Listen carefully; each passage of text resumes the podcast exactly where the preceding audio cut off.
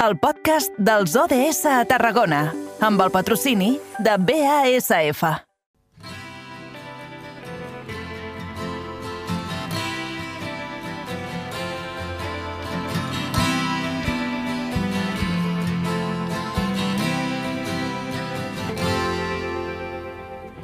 asseguda al costat d'un llit estrany. Ella es mira d'una capsa cansada de guardar fotografies. Les mirades d'uns nens que riuen ben aferrats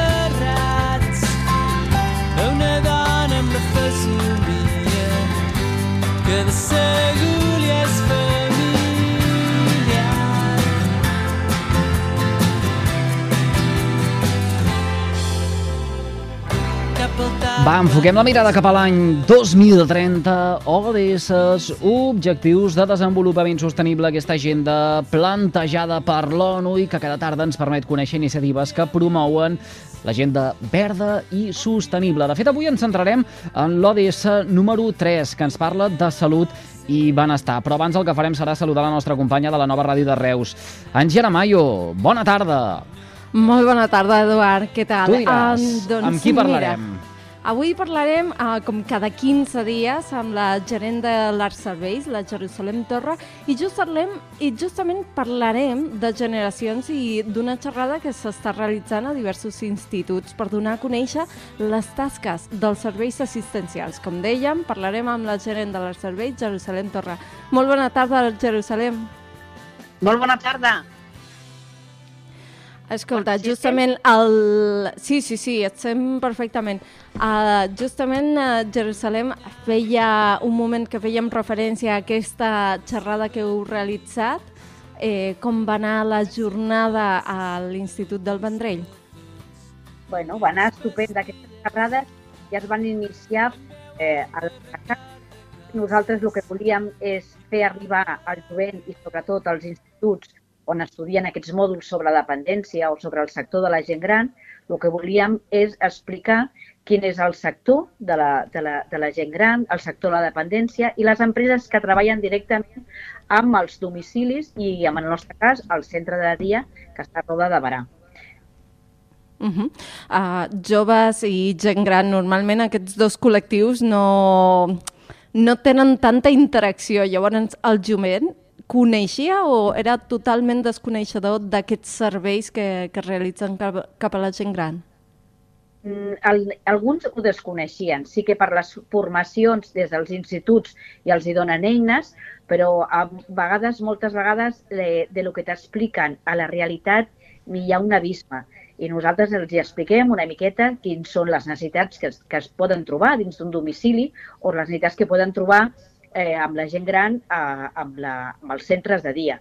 Eh, sí que és molt diferent, nosaltres el que els expliquem i donem una imatge mm, molt més diferent. Nosaltres treballem molt sobre l'edatisme, eh, una imatge sobre la, sobre la bellesa, expliquem els TikToks que fem amb el centre de dia, eh, les obres de teatre, les coses tan divertides. Aquella imatge que ha de canviar una miqueta.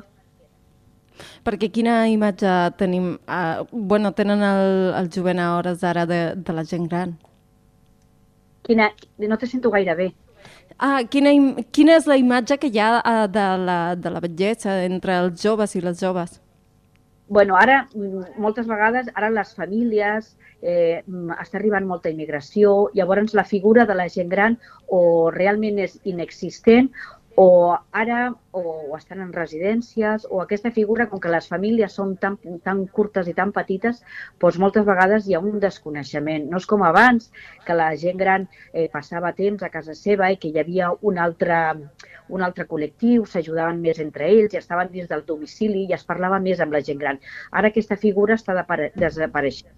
Nosaltres el que volem treballar és eh, aquest sector, que ells coneguin una mica, una mica les necessitats, volem treballar la solidaritat, quan vagin a uns domicilis a treballar, que ja s'in- s'incorporin dins el mercat, que vegin que hi ha una altra realitat i una altra manera de treballar. Pensem també que eh, les generacions que ara pugen, no les que tenim, les que tenen ara 80 o 90 anys, la generació que està pujant en 70 anys, tenen unes altres necessitats. És una gent que, que és més moderna, que, està, que ja coneix uh -huh. eh, els internet, les Alexas, les domòtiques, aquestes generacions que venen fort i que requereixen un altre tipus de serveis, que possiblement cada vegada hi ha menys, que són aquests els piros en serveis, els coachings, un altre model de, de final de bellesa. Uh -huh. A banda de tot això, ara feies uh, més d'un cop menció a aquestes necessitats que hi ha uh, en la gent gran que malauradament s'ha de quedar al seu domicili. Um, ens podries explicar una miqueta més sobre quines són aquestes necessitats, aquesta realitat que sovint uh, la gent la desconeix? Sí, mira, ara eh, el que ens trobem molt amb, amb els domicilis són persones grans que, que els hi costa sortir mm, després de la pandèmia, que els hi costa molt tornar a formar part dins de la comunitat i formar part de la societat, que han agafat una soledat no, no desitjada i tenim que intentar interactuar. Hi ha molts problemes de psicomotricitat, hi ha moltes demències. Nosaltres sí que ens trobem, abans de la, de la pandèmia, trobaves, per exemple, una persona amb una demència, amb un Alzheimer dins del domicili, i aquesta pandèmia trobes ja amb, amb un Alzheimer i, i l'acompanyant el cuidador moltes vegades ja també comença a tenir demència. Eh, problemes de mobilitat, la gent ha estat molt de temps ficada dins de casa seva i ha costat ictus, eh, eh, enfermetats que, que no han tingut diabetes, enfermetats cròniques que no han tingut una bona cura i un bon tractament. I nosaltres el que volem treballar és una miqueta aquesta prevenció i anar fins a aquesta autonomia. També trobem que moltes vegades aquesta gent gran es troba en aquesta bretxa digital, no saben com accedir a aquestes aplicacions de CatSalut, no saben com accedir a aquestes receptes que t'envien des del CAP, i nosaltres el que volem és que ells, una vegada vagin amb els domicilis o treballin a les residències o amb aquests casals o amb, amb aquests col·lectius, el que tenen que veure que hi ha molts problemes de soledat, sobretot això d'incorporar la persona gran dins de la comunitat mm. de nou que els hi tenen que apropar aquesta, a, aquestes noves aplicacions que ens estan fent arribar, perquè com a l'Alexa, la domòtica, aquestes aplicacions han vingut aquí per quedar-se. També hi ha molta problemàtica amb, la, amb les farmacèutiques, amb les pastilles.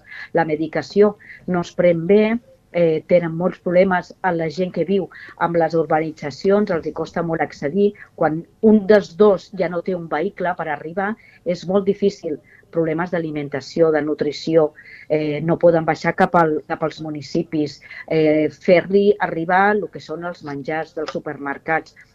Pensa que, que, que el sector de la gent gran és, és molt àmplia i és un sector que dona molta ocupabilitat i que té molts recursos per oferir, des d'activitats psicomotrius, mm. des d'activitats de memòria dins del domicili, activitats de fisioterapeuta, la medicació, és, és un ventall molt ampli, molt ampli.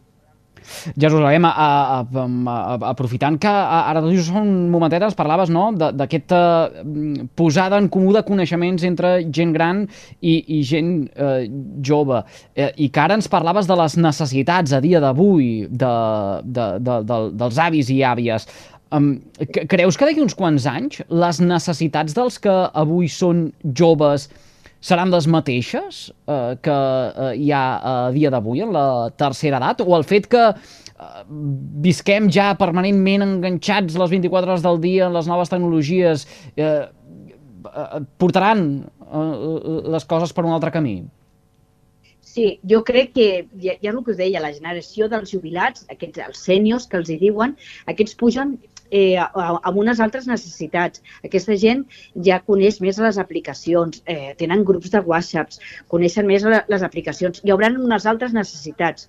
Jo crec que anem amb un altre model, que possiblement no serà 100% de les residències, que les residències són necessàries, però que la residència serà l'últim recurs on ha d'arribar les persones grans, però que faltaran, per exemple, pues, des de dur les medicacions, des d'arribar amb aquesta gent gran en tablets, eh, la salut feta des de les tablets, la, les prevencions, tallers de gimnàsia, tallers de, de psicomotritat, tallers de memòria.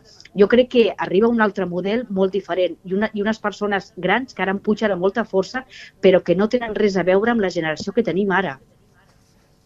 Mm. Um, en tot cas, uh, els que avui són joves, demà seran grans uh, i per això val molt la pena uh, insistir en tallers com, per exemple, els que s'impulsen des de uh, l'Arc Serveis i que avui un dia més ens porta a conversar amb la Jerusalem. Uh, T'agraïm moltíssim, uh, Jerusalem, que de nou ens hagis fet confiança uh, precisament per uh, centrar el focus en la tercera edat. Uh, en moltes ocasions els uh, grans oblidats i sabem que uh, ens escolten i per això tenim la voluntat també de tenir-los en compte i sentir-nos-els molt nostres aquí a Carrer Major. I tant. Moltíssimes gràcies, Jerusalem. Una abraçada i fins aquí 15 dies.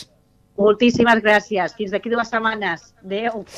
Adéu-siau, la Jerusalem Torra, que és la gerent de l'ARC eh, Serveis. Eh, aquest primer contacte entre joves i eh, gent gran que hi ha hagut en un institut del Vendrell i que de mica en mica va eh, deixant petjades també arreu del, del territori. De ben segur que en seguirem parlant. Angie, gràcies també a tu, que acabis de passar un bon dilluns. A reveure. Adéu.